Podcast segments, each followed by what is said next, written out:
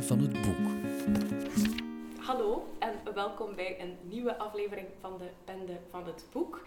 Ja, Trace, het is opnieuw een bijzondere aflevering, Ja, want... en toen je zei hallo, welkom, dat ik iets van tegen wie praat met u, want we hebben Ja. een gast. Ja, we hebben een gast, maar we zijn ook de gast. Ja. En eh, het is de eerste keer sinds heel lang dat we effectief ook die gast in het echt mogen zien. Dus eh, ja, we zijn daar zeer blij mee. Ehm, ja, ik denk dat we gewoon gaan vertellen bij wie dat we te gast zijn. Hè? Zeker. Sonja, hallo. Hallo, dag Welkom. Sarah en dag Therese. We zeiden het al, we zijn eigenlijk zo onbeleefd geweest van onszelf uit te nodigen. Dus eh, we hebben een taartje mee om dat hopelijk eh, een beetje goed te maken. Ik ben heel blij dat eh, jullie op bezoek zijn gekomen bij mij en dat ik ook tot de bende van het boek behoor nu. We gaan het vandaag hebben over jouw nieuw boek, Mama's weten waarom. Ik ga je daar van alles over vragen, maar misschien voor de mensen die jou niet zouden kennen, eh, is het wel fijn dat je misschien eens vertelt wie je bent. Ja. Ik ben dus Sonja Pijpaard, ik ben eh, ondernemer en auteur, maar ik ben bovenal mama van drie prachtkinderen, waaronder één zorgenkind. En mijn eh, levensloop is een beetje bijzonder. Ik heb bedrijfswetenschappen gestudeerd aan de Universiteit in Gent. Ik ben mijn loopbaan begonnen als lesgever. Ik vond dat ook heel leuk. Ik had gemotiveerde studenten. Eh, maar ondertussen wordt mijn oudste kind geboren. En dat is een zorgenkind met heel wat afwijkingen die onverklaarbaar waren op dat moment. En mijn bubbel of mijn bel waar ik toen in eh, vertoefde, dat waren allemaal barstjes. En eh, ik dacht, wat overkomt er mij nu? Ik, ik ben zelf altijd gezond geweest. Mijn ouders zijn gezond geweest. Ik word geconfronteerd met van alles en nog wat. En wat gaat de rest van mijn leven nog betekenen? Dan nog vier jaar ben ik blijven lesgeven. Ik deed dat ook graag. Dat was ook combineerbaar in die moeilijke periode. Dat was eigenlijk mijn houvast. Maar het werd toch moeilijker, omdat ook eh, mijn zoontje op dat moment op twee jaar en een half ook nog eens diabetes bij kreeg. En voor mijn ouders die mij enorm geholpen hebben op dat moment, want ik ben dus ook een enorme believer van tribe, van eh, mijn dichte kring die mij echt heel goed heeft opgevangen, ehm, werd het toch een beetje te veel en waren er te veel vraagtekens hoe dat dan nu verder moest. En dan heb ik besloten om eh, niet meer eh, zomaar mee te spelen in de film van mijn leven, eh, maar gewoon regisseur van mijn leven te worden. Omdat mij dat energie gaf. En eigenlijk moet ik zeggen, de katalysator die ik nodig had, was de geboorte van mijn tweede kind. De zwangerschap is niet zonder zorgen eh, Mhm, verlopen, ja. was enorm bezorgd. Maar mijn tweede zoon was gezond en dat was ongelooflijk voor mij.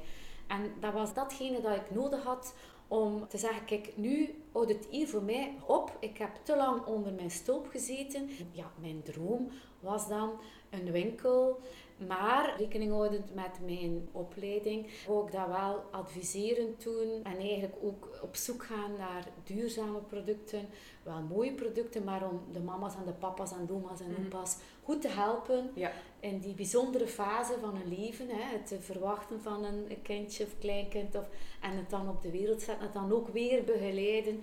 Dus ik, ik, ik heb dat wel met een bezieling altijd gedaan, 25 jaar. Dat ben ik een beetje en dat is de basis om dan het verdere verhaal ook natuurlijk te begrijpen met wat ik allemaal bezig ben. Ja, want je bent met heel veel bezig. Hè? Je hebt het net zelf gezegd, de winkel, de Baby's Corner, is 25 jaar. Ja. Je maakt zelf ook een podcast, want dat is ook hoe we elkaar een beetje beter hebben leren kennen.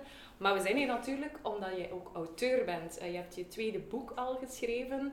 Ja. Hoe kom je daar dan bij? Je hebt al zo'n druk leven, je hebt dan je winkel en dan denk je, ah ja, ik ga ook nog eens een boek schrijven. Ja, dat komt eigenlijk niet van vandaag op morgen. Je begint daaraan te denken, want eigenlijk heb ik in, had ik eh, ja, dan meer dan 20 jaar ervaring en dan dacht ik bij mezelf, je moet daar iets meer kunnen mee doen. Wat kan je teruggeven? Want we zitten ondertussen in een andere periode gekomen. Niets blijft zoals het was. En ik moet zeggen, ik eh, omarm de huidige tijd niet, de pandemie en zo verder, Mhm. dat, hè, maar het brengt ons wel dichter tot de kern van de zaak, tot het warme, het menselijke wordt belangrijker. We hebben dat vorig jaar ook gezien in 2020. Maar ik was toen bezig met, wat kan ik teruggeven? Wat heb jij eigenlijk nu geleerd op die 20 jaar? Je moet toch meer kunnen dan gewoon dit wat je alle dagen doet. En eigenlijk eh, besefte ik op dat moment dat ik al heel veel... Mijn, ik had mijn eigen ervaring als mama, maar ik had ondertussen ook al heel veel meer ervaringen van andere mama's Ja. eh, verzameld.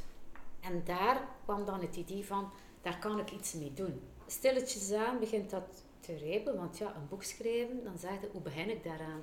Er is wel een, een uitgever die moet bereid Mhm. zijn om het boek uit te geven. En je moet wel een verhaallijn hebben, hoe ga je dat brengen enzovoort. Door mijn eh, professioneel leven of met hetgeen waar ik dagelijks mee bezig ben met de mama's, werd het voor mij duidelijker dat de mama eigenlijk de centrale persoon in heel mijn bestaan was. Hè? In, mijn, in mijn- elke dag opnieuw.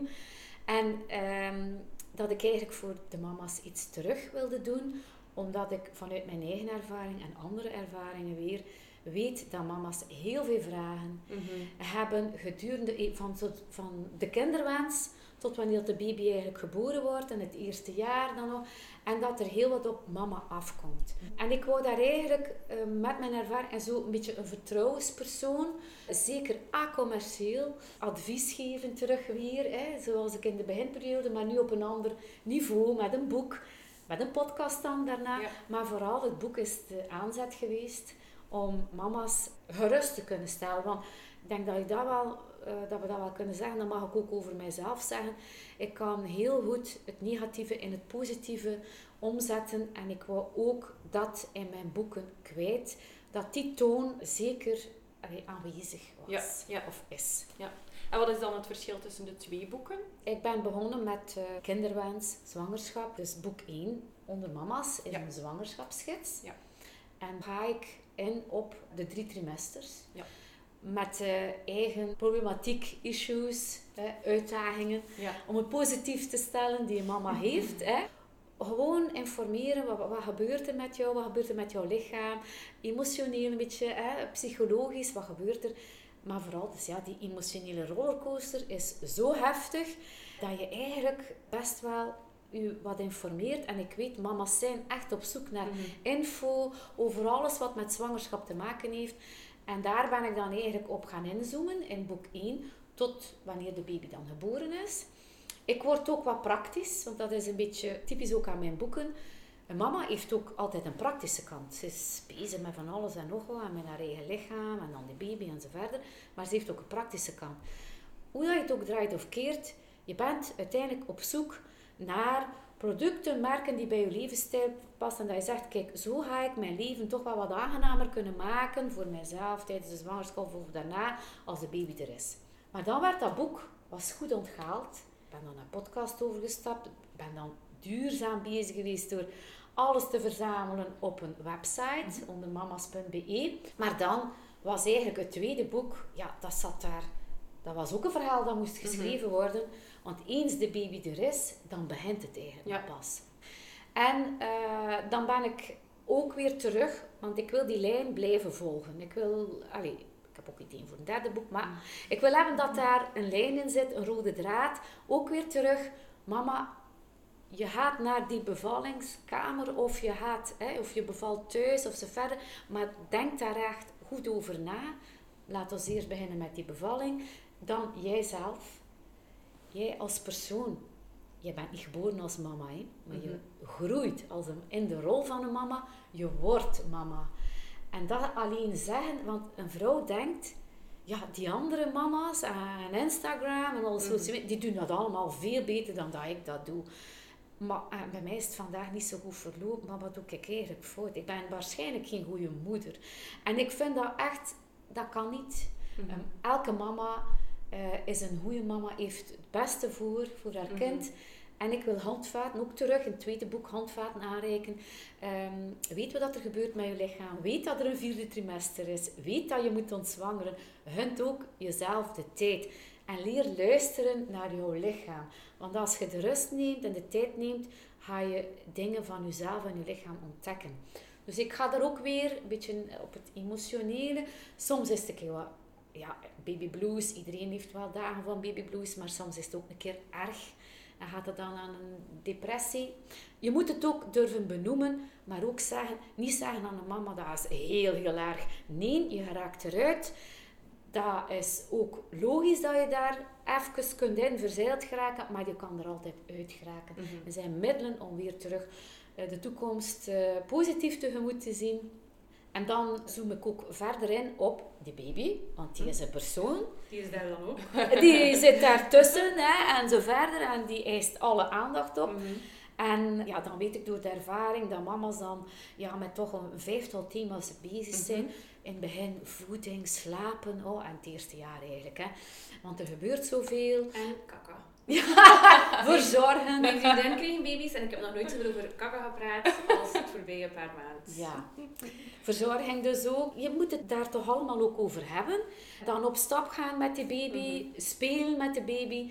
Rode draad hier, verbondenheid met de baby. En alles wat je doet, want jij mama, jij geeft het mooiste geschenk aan jouw kind voor de rest van zijn leven. Dat is als je het eerste jaar daar vol overgave, aandacht, contact, verbondenheid.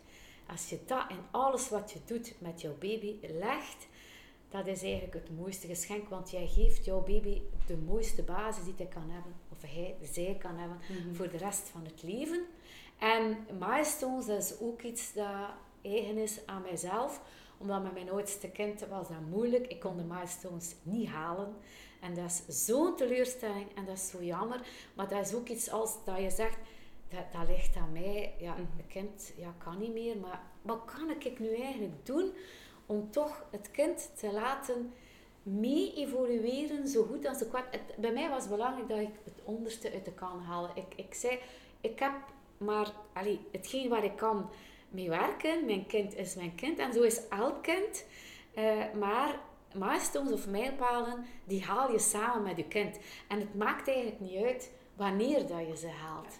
Je haalt ze en maak daar een feest van. En wees blij om hetgeen wat, dat, wat dat je samen kunt realiseren. En dat is de positieve boodschap. Want in een maatschappij zoals deze, hè, eh, ja, we hoorden meestal eh, ja, al die fantastische verhalen. En oké, je leert dat dan jouw eigen ja, situatie als die wat minder rooskleurig is op bepaalde momenten. eh, sta je daar naar te kijken, eh, weet je niet hoe. Ja, je zegt, ja, bij mij is het niet zo, over het mijne moet ik wel niet praten zeker, want ja, eh, en, en dat is jammer, eigenlijk mag dat niet zijn. Een mama mag niet ontgoocheld zijn. Eh, het, is, het is jammer, de tijden gaan te snel voorbij en ik heb het mijzelf ook bij mijzelf zien gebeuren en dan word je ongelukkig omwille van het feit dat je daar niet aan bij stilgestaan Ja. hebt, dat dat Mhm. toch mooie momenten zijn. Ja. Dus voilà, dat is dus zo'n beetje dus boek 1, boek 2 zeker. Samen de positieve noot, eh, mama's handvaten aanreiken. Eh, eerst met haarzelf in de zwangerschap, maar dan met de baby erbij. Tweede boek gelezen, hè, Mama's weten waarom. En ik ben ook mama geworden, dus dat was wel Ja, interessant. ja, ja. Ehm, dank u wel. En ik vond het uniek in die zin, want ik ben inderdaad ook een mama geweest die heel veel vragen had, die nog altijd veel vragen heeft. Dus ik heb een paar boeken gekocht. En wat ik inderdaad leuk vond aan dit boek, is dat je die handvaten hebt die heel concreet zijn. Want dat zie je ook allee, aan de layout. En je hebt je lijstjes, je hebt je, eh, je quotes ook van eh, de mama zelf. En dat vond ik fijn, dat het vragen zijn die je herkent en die ook letterlijk uit de groep mama's komen. Eh, je hebt al verteld hè, over die website, en dat is die zomaar een website. En je hebt de onder mama's echt community, dat- zo mogen we het wel eh, eh, benoemen. Wat was de rol daarvan voor uw boek? Dus vorig jaar, het boek verschijnt, maar geen enkele boekhandel is open. En dan zeg ik, hoe ga ik dat hier oplossen? Ik, ja, een schrijver geeft, doet eigenlijk wel een, een investering. Die Mhm. schrijft daar, eh, die doet die heel veel werk, tijd, tegen dat dat in het boek terechtkomt, is er heel veel tijd overgegaan en energie. Maar dan ligt het boek daar en dan, dan, dan, ja, dan is die wereld daar stilgevallen. En dan heb je ook nog zoveel boeken die je dan eigenlijk ook wel zelf eh, wilt verkondigen en, en, en, en, en tonen en, en, en over gaan vertellen. En dat was eigenlijk niet mogelijk. Dus dacht ik, podcast. Ik ga zelf beginnen vertellen over mijn boek. Ik weet niet wat dat is, een podcast, maar ik ga dat toch doen. Dan ben ik eh, begonnen met wat mensen die ik kende. En ik dacht, oké, die, die kunnen wel een interessant verhaal hebben. Dat ga ik eh, in podcast opnemen. Maar dan begint het. Ik had al de community eh, Facebook onder mama's. Daar was wel heel wat interactie. Dan hadden die podcast. En dat was ook zo precies kleine, belangrijke en- entiteitjes aan het, aan het vormen. En dan dacht ik, ja, maar ik moet dat ergens wel eh, bundelen. Want eh, er moet wat structuur, wat, wat, organisatie in komen. En dan is die website, uh, de WW Onder Mama's, gekomen. Want ook, dan is eigenlijk ook begonnen dat ik inzag. En ik wist dan ook, oké, dat is, dat is het, hè. daar wil ik mee verder gaan. Mama's hebben er nood aan, het komt goed aan. Dus dat tweede boek, dat zit er ook aan te komen. Maar ik wil nog meer experten erbij halen. Want ja, ik ben een mama, ik heb heel veel ervaring. Ik heb veel mama's rondom mij. Maar hm, wij zijn niet echt experten. Wij zijn geen kindercoach, wij zijn mhm. geen vroedvrouw, uh, wij zijn geen draagconsulentes. Uh, dus deze mensen heb ik nodig om het volgende boek, in voorbereiding van het volgende boek. En het zou wel leuk zijn om dan ook vanuit de podcast die expertise hè, dat op te nemen en daar rond ook uh, op de website blogjes, pagina's uh, te koppelen en die experten ook met hun gezicht daar ook uh, op te nemen. En zo gezegd, zo gedaan, dat is eigenlijk ook gebeurd. En in het tweede boek zijn er ook dus expertenluikjes. Hè? En vanuit de community, zoals je hebt opgemerkt, vanuit de community onder mama's, die vragen zijn daaruit gefilterd, zijn in de podcast gekomen, zijn dan nog een keer gefilterd, wat gaan we meenemen in het boek. En waar gaan we dan uiteraard weer terugkoppelen naar de website, want je kan het niet allemaal uitschrijven. Nee, uh, daarom is het interessant dat we zo'n gesprekken ook kunnen hebben. Hè? Ja. Ja, zeker, zeker. Ja. Dus onze luisteraars, die jonge mama's zijn, die kunnen eigenlijk op heel veel kanalen terecht. Dus ze hebben enerzijds jouw boeken, eh, onder mama's en mama's weten waarom. Ze hebben jullie Facebookpagina, ze hebben jullie website, allemaal onder de noemer dan onder mama's, waar dat ze vragen kunnen stellen. Maar waarschijnlijk, zo heb ik het ook gedaan, vragen kunnen opzoeken en lezen en dan zien wat komt er van, uh, van feedback. Ja, dat is uh, de bedoeling. Dus dat wij met mijn team die daaraan werkt, uh, dat de community en de vragen, dat dat opgevolgd, allee, dat wij staan aan de zijlijn ook te kijken. Wij kunnen ook als mama reageren, maar het is vooral de mama's die mama's helpen. Ja. Dat is eigenlijk het kerngedachte. Mama's leren uit ervaringen van andere mama's. Mm omdat het dan zoveel waardevoller wordt als meerdere mama's, als je weet, ik stel een vraag in die groep, meerdere mama's lezen dat. Elke mama die daar uh, dit, deze topic of deze uitdaging ook heeft gehad, gaat daarop reageren. Ik ga daarmee geholpen zijn, ja. dat, is, dat is ook zo. Dus dat is eigenlijk de waarde. Ja, dat is zeker de sterkte. Wat ik ook interessant vond aan jouw boek, is dat ik heb het uh, in mijn handen gekregen toen dat mijn babytje vier of vijf maanden was. Dus ik heb vooral veel herkend. Maar ook nu nog, ik zei tegen Trace, vlak voor jou op vakantie vertrokken, dus mijn kindje is nu negen maanden, heb ik toch nog een keer zo teruggebladerd. Ik weet niet of, of dat ik dat mag doen, maar ik heb zo wat oortjes. Ja. Um, en ik kijk tot, tot bijna. Ja. Want er staan ook zo handige ja, terugvaldingen in. Zo als je, je kindje ook wat groter is, dat je mee aan de slag kan. Uiteraard, het eerste jaar is zeer overweldigend en... Uh, en uiteraard na een jaar hè, kende elkaar, is je relatie met je kindje Al, al wat steviger. Maar ik ga tot 18 maanden. En waarom ben ik tot 18 maanden gegaan? Omdat voor mij... En ik weet bijvoorbeeld van mezelf, dat mijn ouders zeiden... Je was een vlugge prater, maar voor de rest deed hij eigenlijk nog niet zo heel veel. Ja. en dan dacht ik, ik mag niet stoppen aan één jaar. Want dat is voor een mama dan precies alsof dat je kind al alles moet kunnen en, en dat klopt niet. Ja, het zijn benchmarks die je haalt.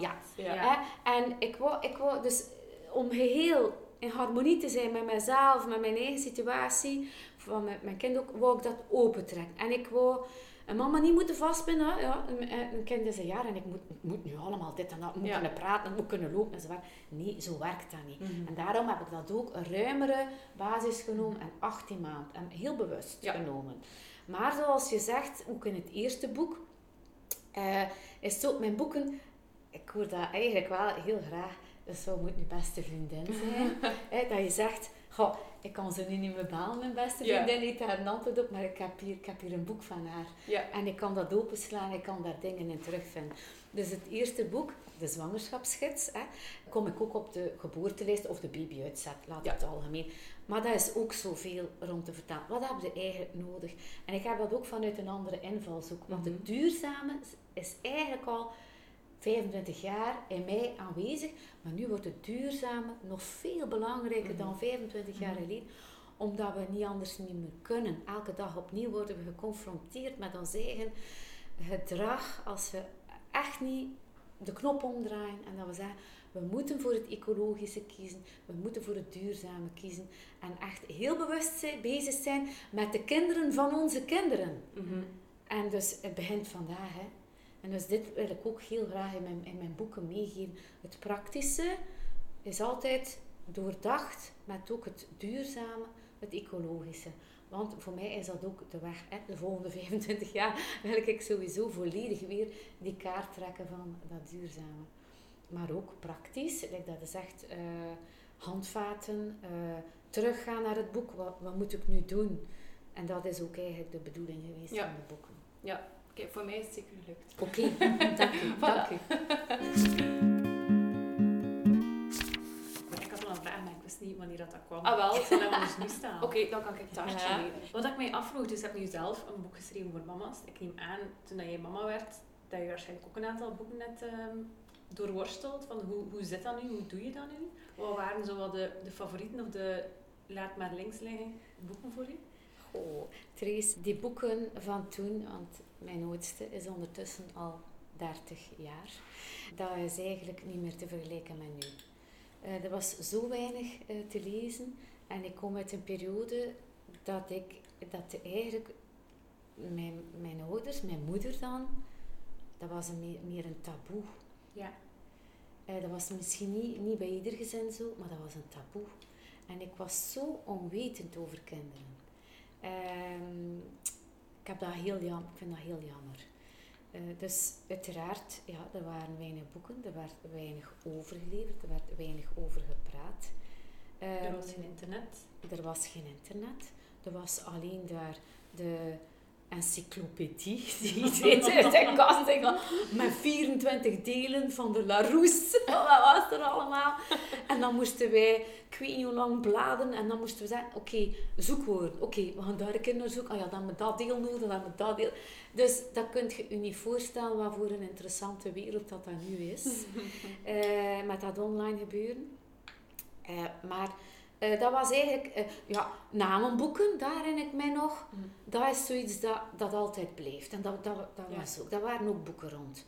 Eh, wat ik wel mij nog herinner, zo de boeken die mee evolueerden, dus, dus per week van de zwangerschap. Dat vond ik wel interessant, omdat je dan ziet zo dat je baby aan het evolueren is. En vooral, het is interessant dat je me die vraag stelt, ik moet een keer diep in het verleden duiken, die vraag is mij nog niet gesteld geweest, is hoe dan mijn buik zou veranderen. Ik was gefascineerd door die buik. Hè? En zo die laagjes die daarbij kwamen. Lijkt mij een boom, hè. Zo maar dan veel sneller dan bij een boom. Zo'n ring die er iedere keer bij kwam. En eh, dat, je zo, dat ik zo zei...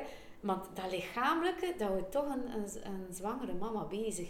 Wat gaat er gebeuren met mij? Het is wel belangrijk dat de mama ook weet rond haar eigen lichaam wat er haar te wachten staat. Hoe kunnen inschatten wat er te wachten staat is, is belangrijk, omdat de teleurstellingen die je tegenkomt heel vaak te maken hebben met te hoge verwachtingen. Maar, uw lichaam, dat, is, dat heeft een impact op u. Als uw lichaam verandert, uw borsten veranderen, uw buik verandert, uw seksleven verandert enzovoort. Het is allemaal niet meer wat dat was. Uw relatie is ook niet meer wat dat was enzovoort. En als die baby er is, begint dat weer van nul af aan. En dan is, zeg je eigenlijk als vrouw voortdurend met, met jezelf, maar ook met anderen bezig. Wie ben ik nu? Ik ben nu mama. Ja, maar ja, ik ben ook nog een partner. Die verwacht ook nog wat van mij. Enzovoort. Hoe ga ik dat allemaal eigenlijk combineren? Mijn lijf is niet meer hetzelfde. Hoe is dat bij anderen? Ik heb daar ook bewust voor gekozen om ook het seksuele Mhm. toch aan te raken in mijn boek. eh, zonder, of boeken, zonder dat ik daar als seksuologe optreed. Mhm. Maar ik weet ook wel dat dat wel een impact heeft, dat dat wel een invloed Mhm. heeft. En ik vind, op mijn leeftijd, ik mag dat al een keer benoemen en ik mag dat ook ter sprake brengen. Ik heb daar ook geen gênes over.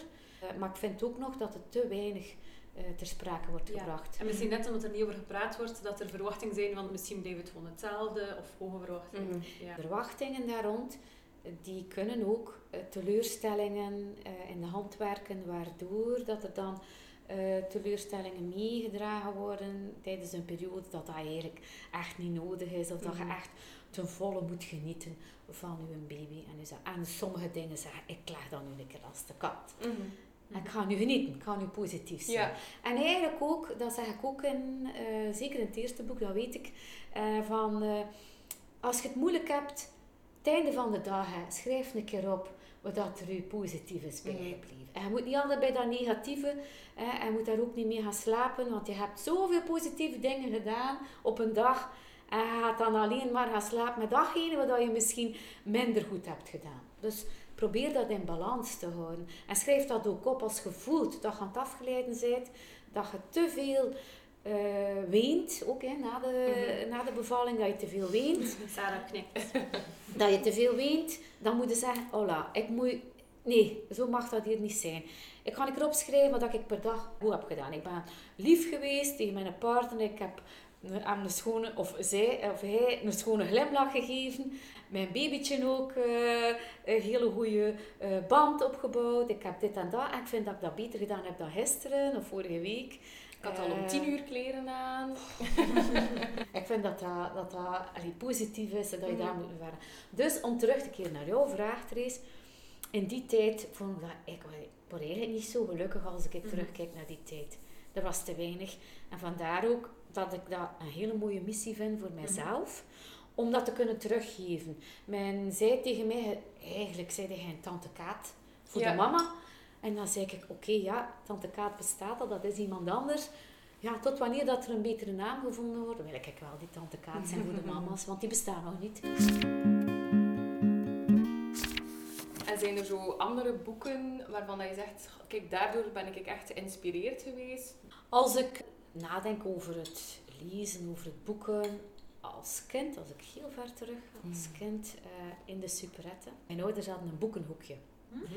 En ehm, daar was ik heel blij om. Ik was een klein kind en eh, de Tini-boekjes, Mhm. die las ik dan allemaal. En dan de stripverhalen, eh, alle Jommekes afleveringen, alle Suske en Wiske, aflevering de Nero.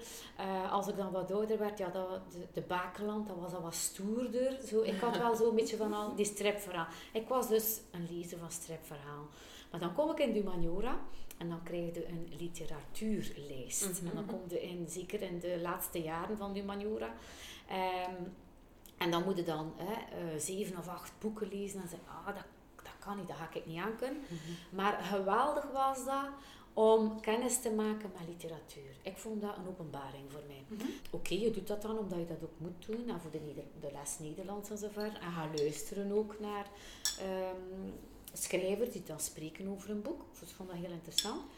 Maar dan kom ik in een andere fase terecht en dan ga ik naar de universiteit. Dan zijn het dan andere dingen die belangrijk zijn. Want ja, dan heb ik bedrijfswetenschappen gekozen en dan zit ik in de sfeer van eh, economie en recht en zo verder. Maar dan, eh, ja, mijn leven kabbelt verder.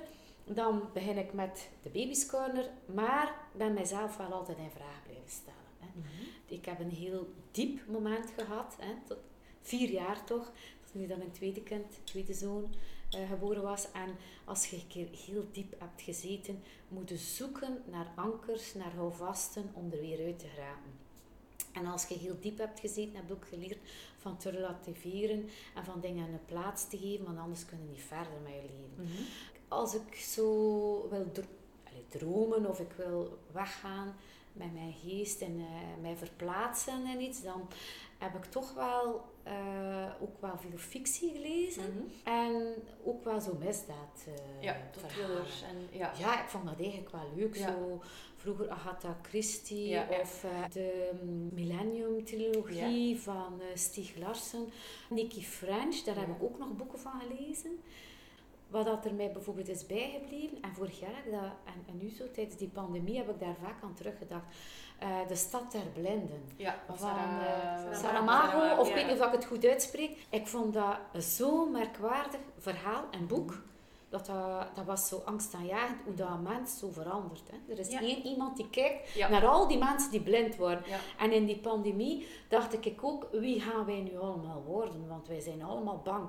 Want ja, jij kunt mij besmetten, jij gaat misschien ziek zijn. Mhm. Zeg, En dan, dan dacht ik aan dat boek terug. Mm. Ja, dat was vorig jaar, zeker zo'n maart, april, post-apocalyptische literatuur, dat is plots helemaal terug. Dat is echt een ding, dat werd superveel gelezen. Enerzijds, ik denk dat dat zo, aan de ene kant heb je zo iets van, oh, ik wil ik zo wel voorbereid zijn, ik wil ik weten hoe dat, dat gaat. En aan de andere kant was dat ook ergens geruststellend. Dat je denkt van, ah, dat valt in corona eigenlijk. Want ik was gisteren ook een keer naar een serie en het is ook zo post-apocalyptisch en met een virus en al. En sommige dingen kon je zo herkennen. Uh, zo mensen die in quarantaine moeten, al die dingen. En dan sommige dingen dacht ik van, dat is toch wel echt niet gebeurd. Hè? ja, maar dat was echt, uh, het, is, het, is, het is waar. Het is mij ook overkomen. En uh, dus dat is iets dat bijblijft. Omdat dat zo vreemd was in die tijd. Ja, mhm. dat was, als ik dat gelezen heb, dat is lang geleden. Ik denk, oh, dat kan 10, 15 jaar. Ik weet niet wanneer dat geschreven is, dat weet ik nu niet meer. Maar het is een hele tijd terug dat ik het gelezen heb. En toen was er geen vuiken aan de lucht mhm. eigenlijk. Mm -hmm. ja, pandemie, nou, mm wat wisten wij dat wel ver wat dat, wat dat, dat was. En dan heb ik uh, professioneel mijzelf aangezet tot lezen.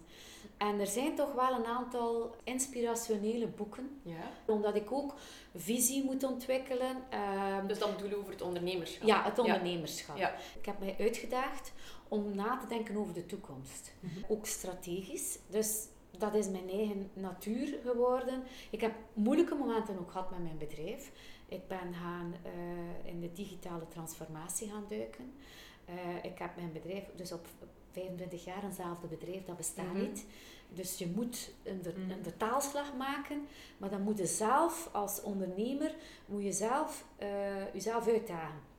Want ik kom uit een oude periode, alhoewel dat denk, ik vind van mezelf dat ik nooit zo geweest ben, maar dat bedrijven autoritair vaak waren, ook ondernemers. Uh, ik heb een mooi product, ik heb een mooi bedrijf, ik heb een mooi merk. Je mag blij zijn dat je mijn merk en mijn product mocht kopen. Mhm.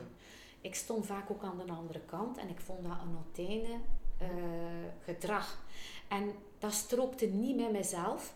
Ik heb mezelf ook leren met mijn bedrijf en mijn mensen leren verdedigen. Ik heb dat spel leren meespelen, mhm. maar ik wou zelf niet zo'n persoon neerzetten. Ik wou een, uh, een vrouwelijke ondernemer met alle... Ik dacht, oké, als vrouw moet ik dat... En mama kan ik op een andere manier aan bedrijfsvoering doen. En ik ben daar altijd naar op zoek gegaan. En ik heb dus ook inspirerende boeken gehad. Ik ben in 2014 dus begin van mijn digitale transformatie, uh, ben ik uh, begonnen met Steven van Bellegem. Ik vond dat hij wel zeer inspirerend en vooruit was op de tijd. Zeer visionair met uh, de Conversation Company. En toen zei hij al, want ja, digitalisering was al een tijdje aan de gang. grote bedrijven waren er al lang mee bezig, hadden al een eerste ervaring achter de rug. Ik moest daar nog bij benen en ik had nog andere uh, bezorgdheid en zo verder. Maar M wees op het, uh, wees op het feit, um, bedrijven, je moet een gelaat hebben, je hebt een gezicht, het zijn organisaties, het is menselijk. Je werkt aan een bedrijfscultuur, je werkt met mensen, je geeft gestalte mhm. aan een bedrijf. Dus je gaat ook in gesprek met je consument, met je klant. Je klant staat centraal. Hij of zij is de belangrijkste. En dat is zo'n openbaring als je dat ook leest op dat moment. En dan denk je, ja, dat is juist. En hoe ga ik dat doen? En wat maak ik dan altijd de juiste, ga ik de juiste beslissingen nemen om die klant altijd centraal te kunnen blijven stellen. Hè? In wat moet ik investeren om dat te blijven kunnen mhm. doen? En uh, zijn tweede boek, um, When Digital Becomes Human, is daar een verderzetting van. Want ja, de titel zegt het zelf een menselijke, digitale. Uh, en ik ben daar ook zelf mee, in gaan verdiepen. Oké, we digitaliseren en uh, ja, je moet mee zijn. Hè. Uh, er is ook zoveel goeds aan te vertellen en, rond wat dat er gebeurd is in, in de wereld met het digitale. maar weet, en AI weet dat op dit moment niet alles door een machine of door een pc kan gebeuren. Mhm. Het menselijke zal nog altijd door mensen moeten gebeuren. En dan moet je nadenken, wat kan ik doen om mijn consument, om mijn klant blij te maken? mijn mama, want bij mij is het ondertussen mhm. de mama geworden. Mhm. Eh, mijn mama blij te maken. Dan kreeg ik van uh, Peter Snowwaard, ik ben daar altijd dankbaar voor, ook een boek. En dat was van uh, Jan Bommeré, Flow. De kunst van het zaken doen. Ik was niet happy met die titel. En ik zei, wat heeft hij mij nu? Dat, dat is weer zo cool. Uh, de, zaak, de kunst van zaken doen. Allee, ik ben wel iets meer dan, dan dat. En ik ben juist op zoek achter andere dingen dan juist... Dat, dat is dat, de cult, de kilte van dat zaken doen. Daar wil ik juist van weg. En hij wist op voorhand en hij zei, Sonja... Laat u niet vangen door de titel. Het is een echt goed, inspirerend boek. Want Jan Bommeré zegt eigenlijk, en alles ook nog in andere boeken, hij, hij zegt eigenlijk wanneer je in flow bent. En een kind is bijvoorbeeld in flow. Een kind denkt altijd in vrijheid en gaat dingen meepakken en is in flow. Maar een volwassene is niet altijd in flow en kan het moeilijk hebben. Kan daardoor ook niet, niet uh, het volledige potentieel dat in hem is of in haar is benutten. Die zit soms in een, in een keurslijf van het verleden, uh, vastgeroeste dingen, patronen. En dat is echt niet goed. Mhm. Dus ik vond, en ik heb dat gelezen en ik vond dat ook. En ik heb daar dingen in gevonden die we weer aangezet hebben om andere boeken te lezen, die ook Jan Bommeré dan, hè, like Napoleon Hill is oud, dat is een oud boek, maar die heeft dan succesvolle mensen geïnterviewd in Amerika. Ja, en in Amerika, we weten, de Amerikaanse droom, er zijn wel hele succesvolle mensen geweest, maar die heeft daar een studie van gemaakt. Waarom waren die mensen zo succesvol? Waren die dan daar? Zijn dat dan andere mensen? Mhm. En uh, dan ben ik met dat boek uh, op Dus ik vond dat ook wel heel leerrijk en heel interessant. Nog interessante boeken. Rick Vera ken ik persoonlijk heel goed. Uh, managers, The Day After Tomorrow. En dan ook Joko Dron met De Wereld is Rond pak een beetje die twee samen. Waarom? Je moet durven denken over de toekomst. Mhm. Hoe wilde u zelf zien met uw organisatie, met uw mensen, met uw team? Hoe wilt u zelf zien in de toekomst? Uh, dat, is een, dat, is een, moeilijke oefening, hè? want je moet dan gaan denken over 2030, 2035, 2040, 2050. Uh, dat is moeilijk. Ja. Um, maar het feit dat men dat opentrekt in die boeken en zegt, probeer toch maar een keer. Het zal mhm. misschien niet goed gaan, maar probeer toch te denken. En uh, die zegt eigenlijk is alles in uh, evolutie. Maatschappelijk, sociaal, uh, mobiliteit, ehm, economisch en van alles en nog wat. En we leven nu misschien, hè, zoals Rick Vera zegt, in een chaos. Maar in chaos zijn er nieuwe dingen die weer terug in harmonie mhm. zich ontwikkelen. Ik denk dan altijd aan Darwin. Darwin zegt, het is niet de slimste die eigenlijk overleeft. Het is degene die zich best kan aanpassen. Mhm. En daarom moet je ook degene, al wat er gebeurt nu, de natuurrampen, alles. Ik sta daar ook bij stil. Ik, zeg, oh hemeltje, wat, wat komt er op ons af? Maar dan blijf ik positief. Dan zeg ik, wij gaan moeten allemaal versneld veranderen. Want de natuur is zich, zich, zich aan het veranderen. Is, is, toont dat er veranderingsprocessen nodig zijn. En we gaan daar terug wel komen tot een nieuw evenwicht. Dus dat is het positieve gedachtegoed die ik ook meeneem in al hetgeen uh, wat ik doe, wat ik voor mama's doe, en wat ik met mijn team doe. Dus um, ja, dit inspireert mij mateloos om ook mee te denken met die mensen. Om uh, positief, uh, positieve dingen te doen. Nou waren al redelijk wat uh, ondernemersboeken. Ik heb ook het gevoel dat er altijd nieuwe bij komen. Maar versneld nieuwe bij komen. Dus die van nu, dat je zegt, dat is er al 2014 en zo. Nu is het echt iedere, iedere maand of zo komt er nog nieuwe bij. Zijn er zo recente waarvan je zegt... Ik Vera is 2018, 2000 of 19. Joko Dron is voor, want ik weet het, ik kijk zo'n beetje voor de pandemie. En mm. ja, ja, zo, ja, Want ja, iemand, een schrijver, heeft iets geschreven, zeker hè, uh, zo'n boeken. en dan komt dat uit vlak voor de pandemie. En dan is men over digitalisering bezig. En dan is die mhm. pandemie, maakt dan dat dat een heel andere wereld aan het worden is. Dus Jo heeft dit boek uitgebracht net voor de pandemie. Nu, vrij recent, het boek dat nu klaar ligt, is van een... Ehm, een vrouwelijke schrijfster. Dat is uh, Carole Lamarck, uh, Zoonotic. En dat gaat over, haar subtitel is hoe een uh, succesvolle virale strategie uitwerken. Dus ja, ik ben heel benieuwd uh, wat dat kan zijn. Zij heeft in het verleden ook geschreven over een unfair advantage. Dat is eigenlijk zoiets van een voordeel dat je zelf uh, benut, uitbouwt, maar die zodanig uh, anders is, die, dat anderen dat niet kunnen, die, die je zodanig verschillend maakt, dat dat niet voor anderen weggelegd is. Ja. Allee. Je kunt het niet kopiëren. Ja. ja. Hey, want um, zoiets, dus zij heeft daar ook daar iets rond geschreven.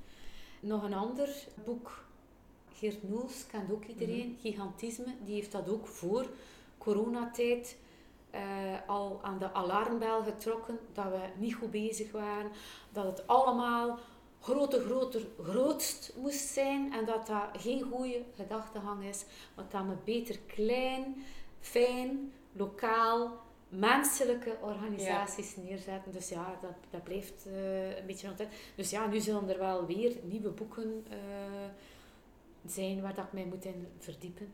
Ja, mhm. als ik inderdaad zoiets recent vast heb en je zit aan het lezen, dan denk ik altijd van, ah, is dat nu nog van ja, de daarna? Ja. Dan voelt het soms zo aan de kleine dingen. Hè, ja. dat, uh... Ik hoop dat er zullen zeker boeken blijven geschreven worden, waar we maar schrijvers he, hebben ook nood aan gelegenheden om te kunnen vertellen over een boek. Terug mm weer, dat is een investering. Mm -hmm. Een boek kost ook. Je, koopt, je hebt ook zelf boeken te verkopen als ja, schrijver. Ja, uh, het is dus wel een, ja, iets waar je toch wel uh, moet mee bezig zijn. En schrijvers hebben wel gelegenheden nodig waar mensen naartoe kunnen komen, waar dat er uh, ja, iets rond een of een event rond het boek georganiseerd wordt, zodanig dat je over je boek kunt vertellen.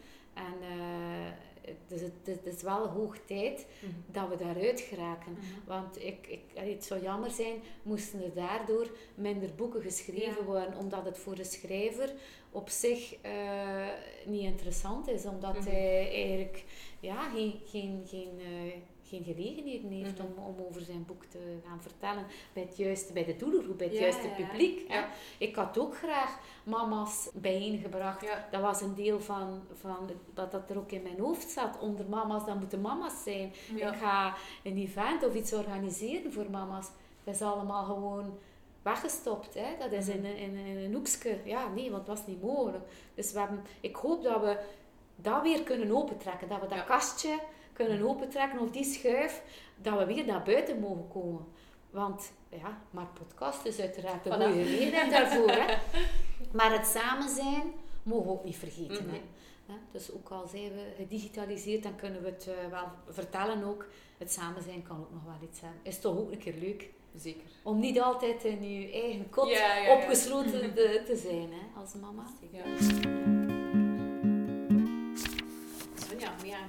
Ik denk dat de boodschap heel helder was. Er waren veel verschillende boodschappen. Het had over duurzaamheid, maar ook over, ja, over mama's, wat al wel heel belangrijk is. Ik hoop dat onze luisteraars er iets aan gehad hebben. Ik weet dat er veel jonge mama's luisteren.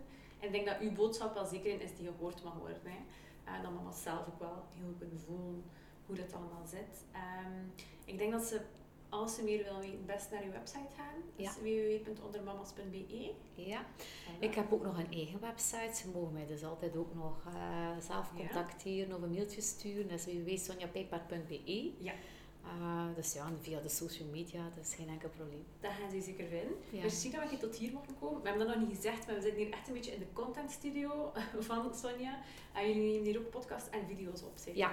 Ja. ja. Nee, een hele mooie locatie. Ja. Um, en dan bedanken we nog Jasper, Michiel, West en Joffra. En ook onze luisteraars om er weer bij te zijn voor aflevering 101. Ja. En als je meer bende van het boek wil, dan kan je altijd gaan naar www.bendevanhetboek.be. Schrijf je zeker in naar op onze nieuwsbrief of volg ons op Instagram. En als je zo een paar sterren wil geven, of vijf op iTunes of op Soundcloud of zo, doe maar. Tot de volgende keer. Salut. Voilà. Voilà. Ja.